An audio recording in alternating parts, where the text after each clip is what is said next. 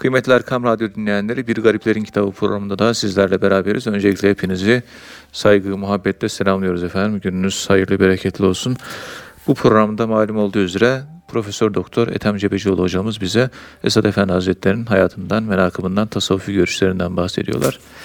Muhterem hocam, Esad Efendi Hazretleri 7 Haziran 1905'te e, kendisine yazılan bir mektuba bir cevap yazıyor. E, bir mektupta şu şekilde Esad Efendi ifade ediliyor. Efendim, bana hayat veren her mektubunuz İsrafil'in suru gibi ruhumu diriltiyor diyor mektupta. Mektubu yazan kişi Azrail'in kabzası nefsimi öldürüyor diyor. Esad Efendi Hazretleri de bu mektuba şu şekilde bir incelikle cevap veriyor. Diyor ki Allah için gerçekten çok ilginç bir benzetme yapmışsınız.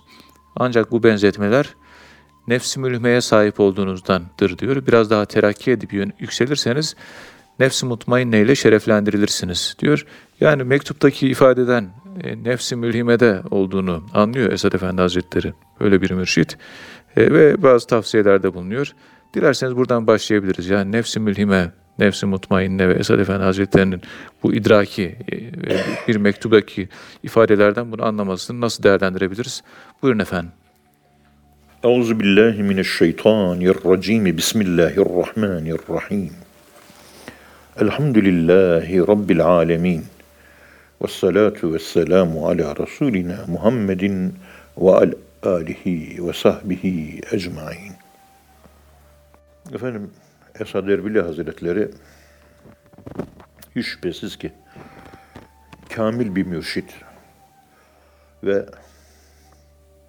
yapmış olduğu değerlendirmeler, yapmış olduğu tespitler gerçekten çok güzel, çok yerinde tespitler yapıyor. Evet.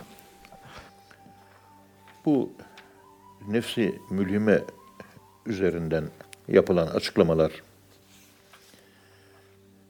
ve onun insandaki tekamülüyle alakalı olarak bu beyanlar dikkat çekici. Çok dikkat çekici. Evet. Esad Erbil Hazretleri ihvanı, yazan ihvanı ne karşılık verdiği cevap da diyor ki bana mektubunuz hayat verdi diyor. Mektubunuz bana hayat verdi. Evet. O hayat vermesi sanki İsrafil'in boruya üfürdü, sura üfürdü, ruhumu tekrar dirildi. Dirildim. Ruhumu dirildi ama Ezrail'in eli gibi nefsimi de öldürdü diyor. Yani mektubunuz ruhumu tasfiye etti, nefsimi teskiye etti. Evet. Teşekkür ederim diyor. Bana böyle bir tesir bıraktı. Yani bir mektuptan bile bu kadar böyle Yani. e, seviniyor muhabbet. Evet. Yani nefis özellikle mutmainne makamına gelmeden önce ölü nefis denmiyor. Ölü nefis demek mümkün değil. O Şefik Can'dan Mesnevi'den yapılan bir alıntı var. Nefis bir firavundur. Nefsi şım- şımartma. Fazla doyurma. Doyurursan eski kafirliği aklına gelir. Riyazet ateşi olmaksızın nefis yola gelmez. Nefisten kurtulamazsın elinden. Demir kızıp ateş haline gelmedikçe sakın onu dövmeye kalkışma. Dikkat et. Aman dikkat et. Yoksa nefis seni mahveder. Yoksa nefis seni yok eder diyor. Yani uçurumdan aşağı atar diyor. Allah muhafaza Allah, buyursun. Allah muhafaza Allah buyursun. muhafaza buyursun. Orada Esad Efendi Hazretleri tabi şöyle bir şey var. Çok nazik ve kibar bir insan. Konuşmasındaki kibarlık o yazdığı, yazar olarak yazdığı eserlerde de görülüyor bu. Ve hüdü ilel kelimi tayyibi ve hüdü ila sıratun müstakim. Allah bir kimseyi sırat-ı müstakime ulaştırırsa, ulaştırmak isterse Evet. önce ona güzel konuşma, kibar ve nazik konuşma, ona hidayet ettirir. Demek güzel konuşmak da hidayetten bir parçadır. Hüdü ilel kelime tayyip. Sırat-ı müstakim de bir hidayettir ve Allah'ın elindedir. Bu güzel ifadeleri, düzgün cümleleri, kibar cümleleri, nazik cümleleri bunlar kullandığına göre bu ifadeler onun Allah'ın hidayetinin mazharı olduğunu gösteriyor. Evet. Yani hüdü iler kelim tayyip var. ifade anlıyoruz. Bakıyorsunuz ve hüdü ila sırat-ı müstakim de var. Evet. Bu şekilde kelime-i tayyip ki buna la ilahe illallah sözü de kelime-i tayyiptir biliyorsunuz. Ve kelime-i tevhid anlatan ifadeler, sözler, tevhide dair ifadeler de kelime-i tayyip oluyor. Yani Allah'ın razı olduğu sözler, kokulu sözler, güzel kokan sözler, pislik kokan sözler değil. Tayyip, tayyip. Buradan hareketle Esad Erbil Hazretlerinde bu Allahü Teala tarafından kendisine verilmiş bu özellik şüphesiz ki onun kemalattaki e, derecesini de gösteriyor. Evet. Çünkü çoğu insanlar nezaketten uzak. Böyle e, kırsal kesimlerden gelip İstanbul gibi yerlere gelen talebeler, öğrenciler görüyoruz. Onların böyle bir konuşma, davranış, üslup, düşünce, duygu bunların terbiye edilmesi gerekiyor. Evet. Yani o İstanbul'daki İstanbul beyefendisinin terbiyesi o nezaketiyle tasavvufta tekkelerde verilen edep ve terbiye aynı terbiye. İngilizler Hindistan'ı işgal ettiklerinde Nakşibendi tekkelerinde bu edebi, terbiyeyi gördüler. O edep ve terbiyeyi İngiltere'ye taşıdılar. Centilmen kavramı ortaya çıktı. 1750'den önce centilmen kavramı yok İngilizce'de. Evet. Ne zaman Hindistan'ı alıyorlar, Hindistan'a nüfuz ediyorlar, tekkelerde muaşeret bilimini öğreniyor Müslümanlardan. Sıradan Müslümanlarda muaşeret kuvvetli değil maalesef. Tekkelerde çok kuvvetli. Oturmayı bileceksin. İngiliz centilmeni aynı tekkelerde oturulduğu gibi oturuyor. Evet. İngiliz centilmenleri bacak bacak üzerine atmaz. Tekkelerde de yok. İngiliz centilmenlerinde elde bir asa vardır. İngiliz centilmenlerinde hep bunu tekkeden almıştır bunu İngiliz centilmenleri. Evet. Konuşurken bir İngiliz centilmeni çok hafif sesle İngilizcesini konuşur. Hafif sesle konuşmak peygamber ve sahabe sünneti biliyorsunuz. Evet. Yüksek sesle konuşmak şeytanın kozmik davranışlarından bir davranıştır. Kabalık oluyor ya. tabii. Ama dikkat edin. Şeytanın kozmik davranışlarından bir davranış biçimidir. Evet. Yani sende şeytanlık var demektir yüksek sesle konuşuyorsan. Hafif sesle. Huzuru peygamberi de bile Medine'de ziyaret ederken La tarfa'u esvatekum fevka savtin nebi. Susun burada diyor. Evet. Konuşma çok önemli bu. Bakıyorsunuz akşam yemeğe hep beraber oturuyorlar. Yemeğe mutlaka Allah'a şükür ederek başlıyorlar. Evet. mutlaka Allah'a şükür ederek, teşekkür ederek başlıyor. Yani bunlar. Ve yemeğe toplu oturuyorlar. Ayrı oturmuyor. Tekkede de öyle. Ye- Yemeklerde mutlaka buluşuluyor. Sabah yemeği, akşam yemeği mutlaka bir araya geliniyor. Ayrı ayrı yemek yemek yok. Benim tespit ettiğim İngiliz centilmenlik kurallarının tamamı Hindistan'a hakim oldukları sırada Nakşibendi tekkelerindeki muaşeret, adaptan alınmış kurallar. Tekkede bunlar Yolda var giderken yani. mesela İngiliz centilmenleri sağa, sola bakmaz. Hep dik yürür, hep önüne bakar. Nazar berkadem yapar. Evet. Aynı İngiliz centilmenleri. Nakşibendilikte bir esas yani. Evet. Evet. Selamlaşma mesela. O da aynı şekilde. Kendilerine göre bir selamları var ama iki dervişin karşılaştığında hu selamun aleyküm dediği gibi onların da kendine göre bir selamları var. Bunları bir konferansımda uzun uzun anlatmıştım. Yani bir tekkenin İngilizler tabii ince insanlar. Davranışları, kültürleri çok inceleyen, ince yapıya sahip insanlar. İşte onlar o edebi almışlar. Biz bugün Türk milleti olarak o İngiliz centilmenlerine hayranız. Ondan önce İstanbul edebine hayranız. O eski Es- İstanbul beyefendi, İstanbul beyefendiler de tekkeden geçtiği için tekke edebiydi İstanbul nezaketi, terbiyesi, efendiliği, kibarlığı. Evet. İngiliz kibarlığıyla İstanbul kibarlığı aynı şeydir. Dayandığı yer tekkedir. Tekkenin dayandığı yerde Hz. Muhammed Mustafa sallallahu aleyhi ve sellem'dir. Allahümme salli ala. Şekli olarak tabii konuşuyoruz. Ruh olarak o ayrı bir olay. Ama şekil olarak peygamberimizin davranış biçimi. Edep terbiyeli. İngiliz centilmeni konuşacağı zaman kafasını çevirip bakmaz. Vücudunun tamamıyla döner. İstanbul beyefendisiyle konuşuyorsunuz. Yana dönüp nasılsın diye yanından konuşmaz. Döner öyle konuşur. Tekkedeki edep budur. Sünnete uygun yaşarsanız siz derviş olursunuz. Daha niceleri var. Evet. Daha nice edepler var. Bu konuda bir geniş bir çalışma yapılması lazım. Ben sadece şurada birkaç tane cümle ediverdim. O kadar çok toplum hayatında yer bulmuş davranış modları var ki bu davranış modları peygamberin davranış modlarıyla aynı olduğu için behavioral psikoloji olarak sünneti yaşamanın medena getirdiği sünnet senkronizasyonu peygamberimizi içselleştirme, şuur altına gönderme, içimizdeki peygamberi diriltme, peygamber aşkının doğmasına sebep olur bunlar bir Müslüman için. Evet. Müslüman için. Sünneti yaşıyorsun çünkü. İstanbul Beyefendisi bundan ibaretti. Bağırmaz, çağırmaz, kavga etmez. Beğenmediği bir adam olsa yüzüne bile bakmaz. İngiliz beyefendilere giderken, İstanbul beyefendilere giderken kötü söz duyunca, duyunca gidip de dönüp bakmaz. Kendini bilmeyenler gider bir yerde bağırıyor, çağırıyor, kavga mı oluyor? Tepesine gider, bak- gider bakar olay seyreder, sinema seyreder gibi.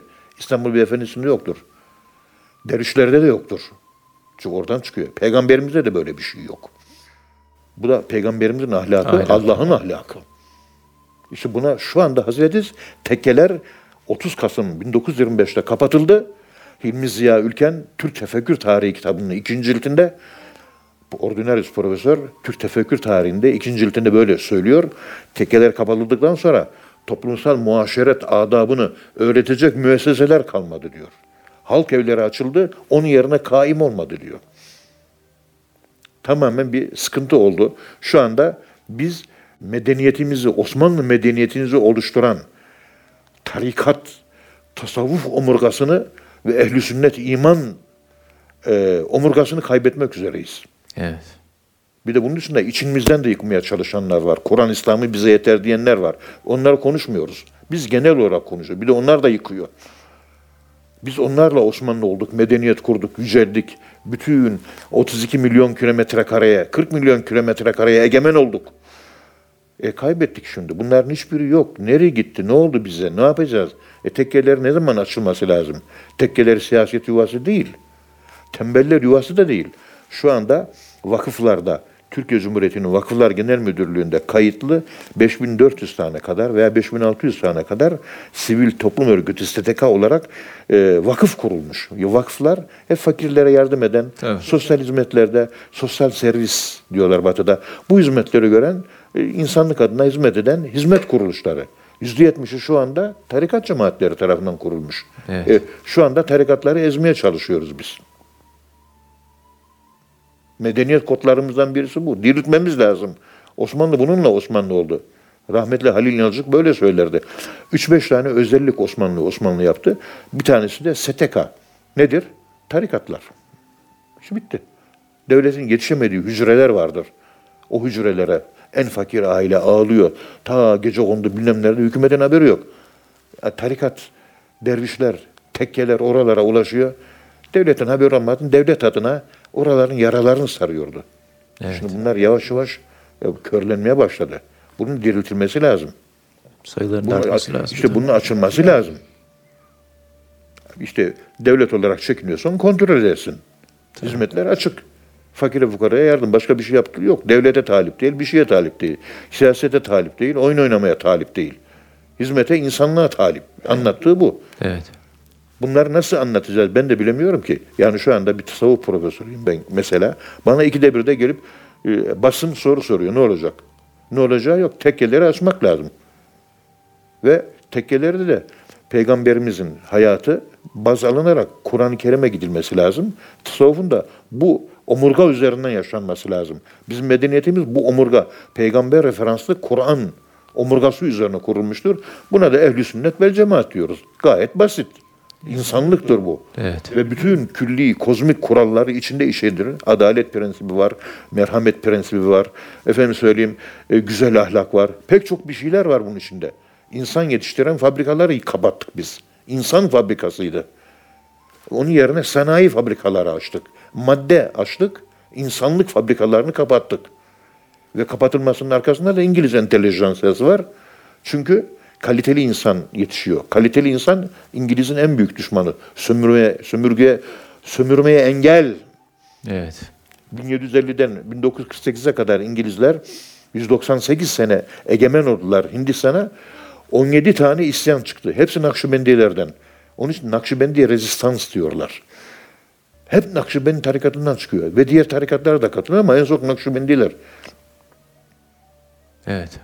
Ondan dolayı e, Cumhuriyet kurulduktan sonra kapatılmasının arka planda İngiliz'in Hindistan tecrübesi var. Bilinçli direniş sadece tarikatlardan gelmiştir. Anti-emperyalist. Türkiye'yi sömürecek. O zaman bu ortadan kalkması lazım. Kalkması için de doğuda bir Şeyh Said oluşturalım. Oluşturdular. Yok biz yapmadık diyorlar. E ortada artık bunu söylemeye bütün yer biliyor, gök biliyor bunu. Evet. Ondan sonra e, iki yumurtayı çarpıştırır gibi çarpışıyor. Ondan sonra tarikatlar zararlıdır. Bak Şeyh Said görüyor musunuz? Onu örnek gösteriyor. Yani başka- Burayı da evet. gü- güdümleyen İngiliz, burayı da güdümleyen İngiliz. İki yumurtayı çarptırdı, tarikatları kaldırdı.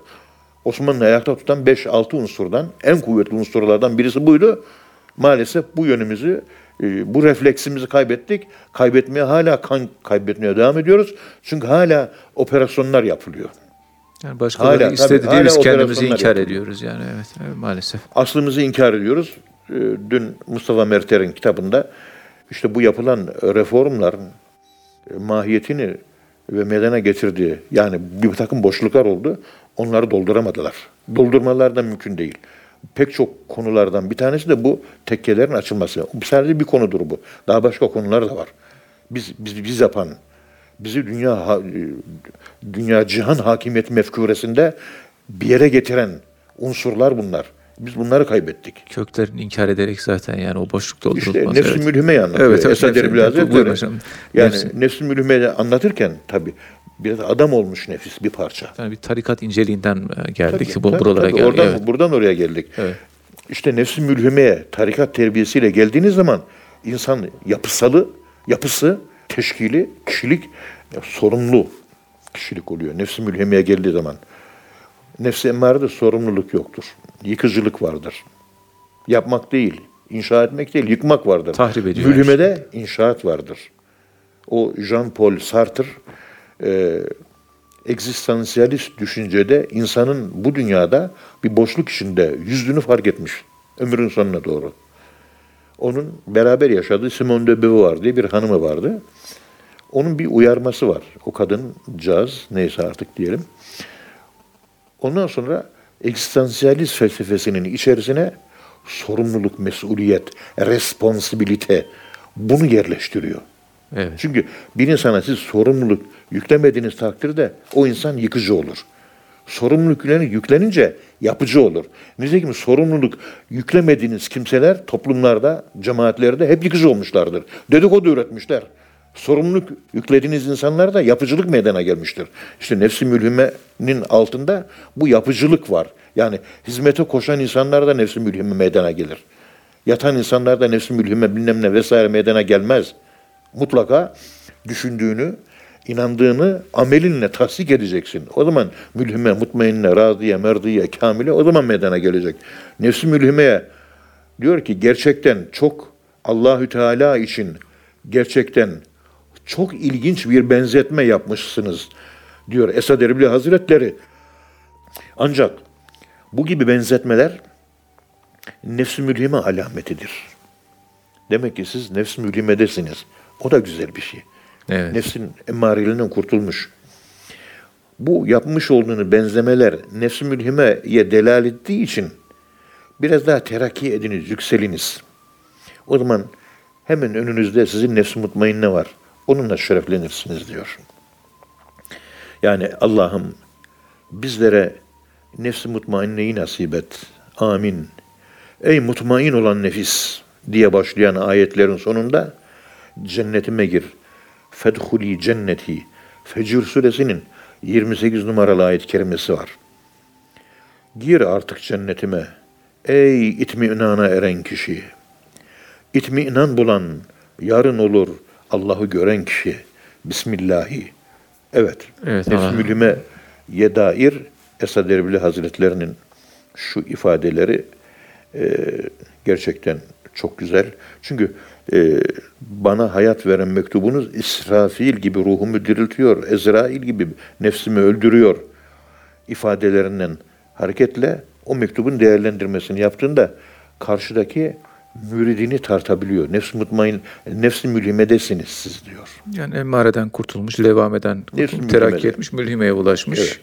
Ama hedef gösteriyor Esad Efendi Hazretleri. Diyor ki mutmainneye. Bunu Osman hocamızın güzel bir açıklaması var. O gerçek bir mürşidi kamil. Elhamdülillah. Oradan da büyük bir şeref duyuyoruz. Hizmet yaparken hiçlik duygusuyla yapın. Yani paye kazanmak, paye beklemek, övgü beklemek, övgü kazanmak. Efendim yerildiğiniz zaman niye beni yerdiler, niye beni aşağı indiler? Görev veriliyor, sevinmedik. Görevden alınıyorsun, üzülmüyoruz. La tafrahu bima atakumullah. Allah'ın verdiği şey. Sevinme diyor. Evet. Ve la likey la te'se ala ma Elinizden bir dervişlik bundan ibarettir. Tabii mahviyet yani. Bunu anlatmaya çalışıyor. Onun için e, hiçlik duygusuyla, mahviyet duygusuyla hizmete koşmak lazım. Mahviyet duygusu olmazsa hizmetin kendisi bizzat put haline gelir. Allah muhafaza Allah buyursun. muhafaza buyursun. Hafazanallahu an zalike. Muhterem hocam, Esad Efendi Hazretleri Kaf suresi 16. ayet-i kerimeyi şu şekilde e, zikrettikten sonra şöyle bir açıklama yapıyor. Kaf suresi 16. ayet-i kerimede biz insana şah damarından daha yakınız buyuruyor Cenab-ı Hak. Bu ayeti şöyle açıklıyor. Bu ayetin gerçek manası diyor, dervişlerce ancak akrabiyet murakabesine geldiklerinde anlaşılabilir. Yani ayet-i kerimenin tam olarak anlaşılması için bir murakabe akrabiyet dediğimiz o murakabeye ulaşmaları gerektiğini, o murakabeyi tatmaları gerektiğini ifade ediyor. Ve diyor her mümin Allah Celle Celaluhu'nun kullarına yakın olduğuna inanır. Ancak bunu fiilen yaşamak kulakla duymak gibi değildir. Bu bilgiyi kulakla duymakla yaşamak arasındaki fark balın tadını duyarak anlamakla yiyip tadına bakmak arasındaki fark gibidir diyor. E, murakabe akrabiyet nedir? Ve bu ifadeleri nasıl anlamak gerekiyor e, Sayın Hocam? Buyurun efendim. Euzu billahi mineşşeytanirracim. Bismillahirrahmanirrahim. Elhamdülillahi rabbil alamin. Ves salatu vesselamu ala rasulina Muhammedin ve al alihi ve sahbihi ecmaîn. Efendim Sırrı Sakatiye, Seri Sakati Hazretlerine kurp nedir diye sorulmuş. Allah'a yakınlık. Evet. O da şu cevabı vermiş. Kurp kısaca Allah'a tam itaattir. Bu Kelabazi Taarruf adlı Evet. eserinin 77. sayfasında böyle anlatmaya çalışıyor. Bir başkası bir başka sufi diyor ki kurp hakkında kulun Rabbine karşı hem nazlı olması hem de onun önünde ezik, ezik olması, zelil olması. Allah'ım senin önünde ben bir hiçim, boynum bükük. Ölene kadar bu hali korumak. Kurp budur. Kurbun aynı zamanda tezahürleri olmuş oluyor bu yani insan. Bu tabi anlattığı ortaya çıkış biçimi. Evet. Siz içinizde kibir varsa kurp mürp yok. Evet. Efendim Serraç Lüma adlı eserinde 84. sayfasında kurp ve buut, yakınlık ve uzaklık bunları mukayese etmeye çalışıyor. Evet.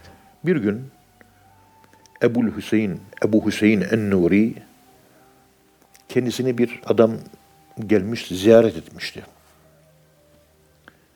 Ebu Hüseyin en-Nuri kardeş nerelisiniz diye sordu. Adam efendim ene min Bağdat. Ben Bağdat'tanım dedi. Evet. Ebu Hüseyin Bağdat'ta sen kiminle beraber sohbette bulunuyorsun? Kimin meclisine, toplantısına, sohbetine katılıyorsun? Adamcağız Ebu Hamza Bağdadi ile buluşuyorum. Onun meclisine, onun sohbetine katılıyorum dedi. Ebu Hüseyin en-Nuri bir parça tefekkür etti. Dedi ki siz Bağdat'a gittiğiniz zaman selamımı söyleyiniz. Onun şu anda kurbül kurb diye Allah'a bir yakınlık makamında olduğunu duyuyorum diyor. Evet. Kurp makamı değil, yakınlık değil. Yakınlığın da ötesinde bir makama sahip olduğunu duyuyorum. Ebu Hamza Bağdadi'nin. Evet duyuyorum. Ona Ebu Hüseyin'in sana selamı var. Sizin kurbül kurp dediğiniz makam bizim yanımızda ve bize göre budül bu'd. Uzakların uzağı diyor. Kurbün, kurbünün, kurbünün kurbi var diyor. Kurp üzeri dört. Ona anlatmaya çalışıyor. Allah Allah. Evet. Yani şu durumda bulunduğu kurbül kurb makamı aslında uzaklıkta bir yer.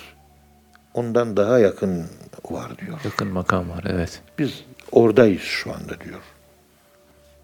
Yani bir manevi makam tabii bunlar. Öyle. Tabii manevi Tamam, makam. Evet. Evet. Ee, bunlar tabii metreyle ölçülemez, kiloyla tartılamaz. Kalben sezilir. O sezgi üzerine biz konuşuyoruz ancak. Veya tezahürler üzerinden. Tabii. Tabii. Tezahür, tezahür değil de yani kalbe doğan sezgi ne? O sezgiyle. Tabii siz ameliniz salihse sezgileriniz doğrudur. Ameliniz salih değilse sezgilerinizde yanılma olabilir. Onun için ameli salih olmak önemli bir husus. Evet. Efendim, murakabeler. Murakabe nedir? Murakabe. Murakabe gözetlemek, kontrol etmek. İşte birinci murakabe var. Kul huvallahu ahad murakabesi. Yani tevhidi içselleştirmeye çalışma. Tevhid nesnel. Evet. Yani bizim dışımızda bir şey. Daha içimize girmedi, kalbimize yerip oturmadı Allah. Ne zaman kalbimize oturacak? Kalbimize gelip Allah'ın oturması, yerleşmesi. Esas bu. Yani kul huvallahu ahad, tevhid. Öznelleştirmek. Yani sahibi olmak. Dışarı, dışımızda değil, içimize taşımak. İçimize sığdırmak. Ondan sonra ve huve ma'akum eynema kuntum. Allahü Teala benim yanımda maiyet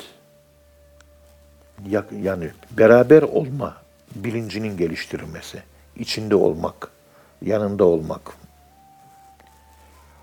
Ondan sonra akrabiyet, en yakınında olmak. Ve nahnu akrabu ileyküm min hablil verid. Şah damarından, kalbinden daha yakınız. İnna Allah yehulu beynel mer'i ve kalbi. Allahü Teala Hazretleri bu e, ayet-i kerimede anlattığına göre yani Allah kuluyla o kulunun kalbi arasına girer. Allah kuluyla kulunun kalbi arasına girer. Yani akrabiyet anlatırken bu ayet-i kerimeyi baz olarak ele almak lazım. Yani kalpten de öte. Allah içeride değil, içten de içte. Bu şekilde Allahü Teala Hazretlerin içten de içte olması, özden de özde olması. Yani böyle kalbe noktayı süveydasına siyah noktasına Allahü Teala Hazretlerinin tam olarak yerleşmesi, tam olarak oturması. Akrabiyette bu esas. Yani özün özü lübbül lüb diyorlar. Ülül elbab. Kur'an-ı Kerim tabirleri bunlar. O özün de özüne, kalbin de ötesine, daha için içine, daha böyle süblimasyon diye psikologlar öyle anlatıyorlar genellikle. Letafet kazanmak, latife, letaif, işte kalp, ruh, sır, hafi, akfa, akfa en latif olmuş hali. En letafete ermiş hali. Akrabiyette bu var. Ondan sonra murakabeyi muhabbet geliyor. O murakabeyi muhabbet artık oluşun yani Allah'la beraberliğin tamamen onunla bütünleşmeye çalışmanın tabi hiçbir zaman kul Allah olamaz. Allah da hiçbir zaman kul olamaz. Evet hocam. Ama sevgide o kadar ileri gidiyoruz ki sıbgat Allah denilen Allah'ın rengini alıyoruz. Ve men ahsen minallahi sıbga Allah'ın rengini alanın renginden daha güzel kim var? Allah'ın rengi de renksizlik rengi. Renksizlik. Evet. İşte buradan hareketle akrabiyet e, bir giriş yapmaya çalışıyoruz. Allahü Teala Hazretleri ne kalp değil. Kalbin içindeki noktayı süveda var. Bir de fuadı var kalbin. Evet. Bu dünyaya açılan fuat yönü. O maiyet, kulüvallahu ahad, kalbin fuadıyla alakalı. Ama akrabiyet, kalbin Allah'a, ruhun Allah'a açılan noktayı süveda kabiliyeti, potansiyelle alakalı bir keyfiyet. Evet. Murakabeyi, muhabbette de bunların tamamında ötesine geçmek söz konusu. Oluş söz konusu. Bunlarda hep bilme ve olma var. Ama murakabeyi, muhabbette bilme diye bir şey yok. Tamamen olma var. İmanın kendisi var bize. Yani sevgi kuruptan daha öte bir şey demek. Ha, ki. öte bir şey. Son Tamam, murakabe o. Evet. İşte ondan sonra fena halleri başlıyor. Derviş kardeşler dört murakabeyi bitiriyor ve fena hali meydana geliyor. Fena hali meydana geldiğini alameti dedikodu olayını kesmek. Oradan başlıyor bir kere. Yıkıcılık kay- kayboluyor. Dedikodu yapmak yıkıcılıktır. Yıkıcılık varsa sende fena makamı yok. Fena makamı yoksa sende murakabe, muhab- murakabe muhabbet de yok demektir. Murakabe muhabbet sende yoksa akrabiyet de yok demektir. Akrabiyet yoksa maiyet de yok. Maiyet yoksa la ilahe illallah da yok.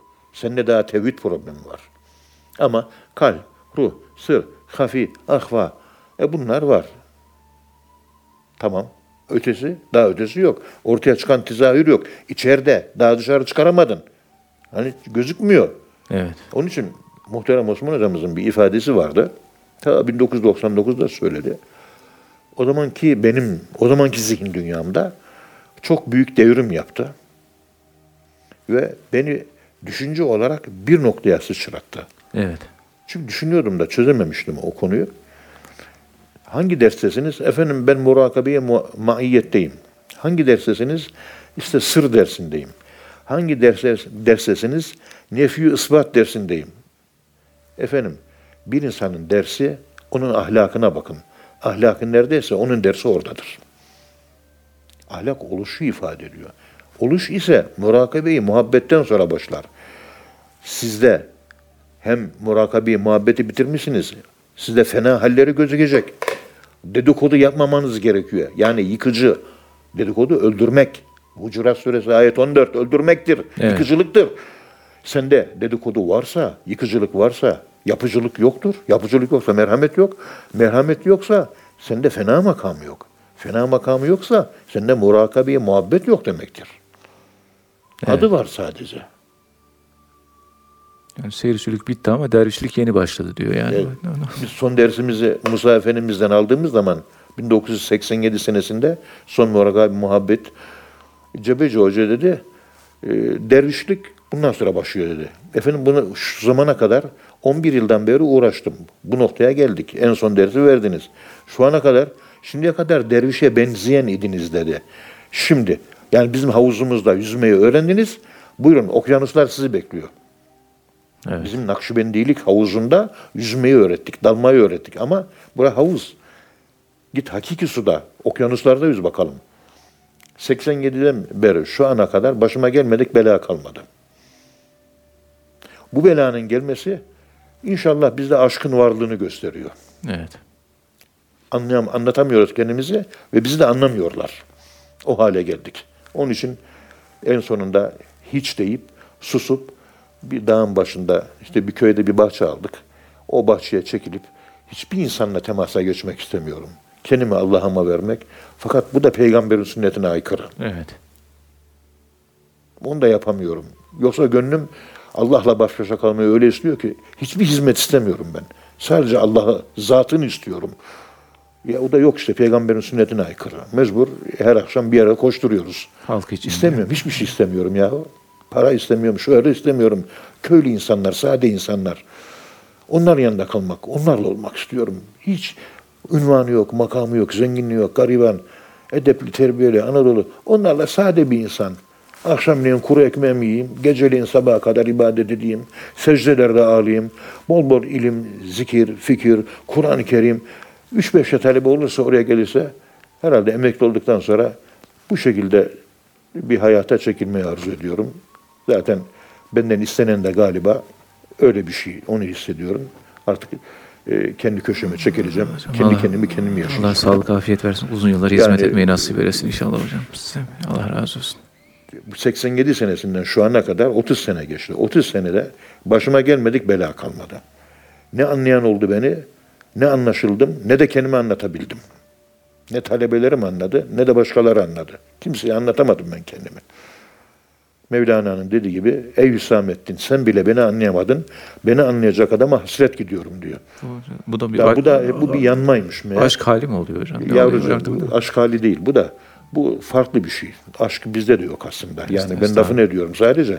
Bu farklı bir hal. Mevlana yalnızlık. Yalnızlıkta yalnız kalabilirseniz Hira mağarası gibi ilham sahih geliyor. Toplumda boğulursanız Allah'la konuşmanız zayıflıyor. Toplumla temasa geçince.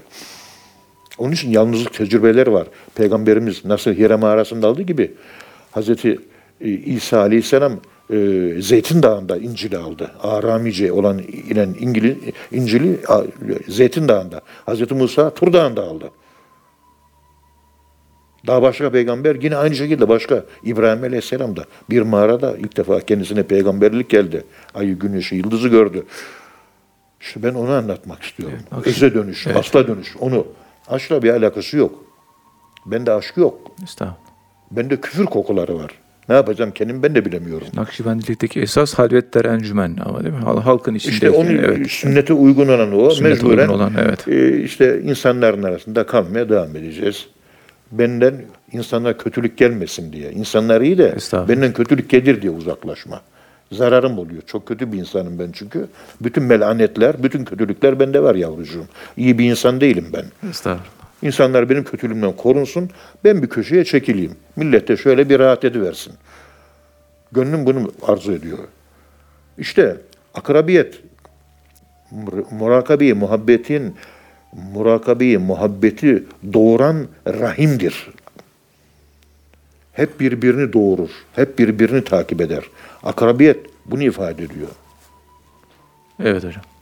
Akrabiyet hep bunu ifade ediyor. Biz bunu bir yakalayabilsek, bu inceliği bir bilebilsek biz, bütün problemimiz çözülecek. Bu aslında murakabelerin tamamı düşünce kontrolü. Düşünce kontrolü. Düşünceler biliyorsunuz kalpten gelen manadır. Onunla oluşur. Düşünceler manaların elbiseleridirler. Evet. Sen murakabe ile mananın elbiselerinin kalitesini artırıyorsun.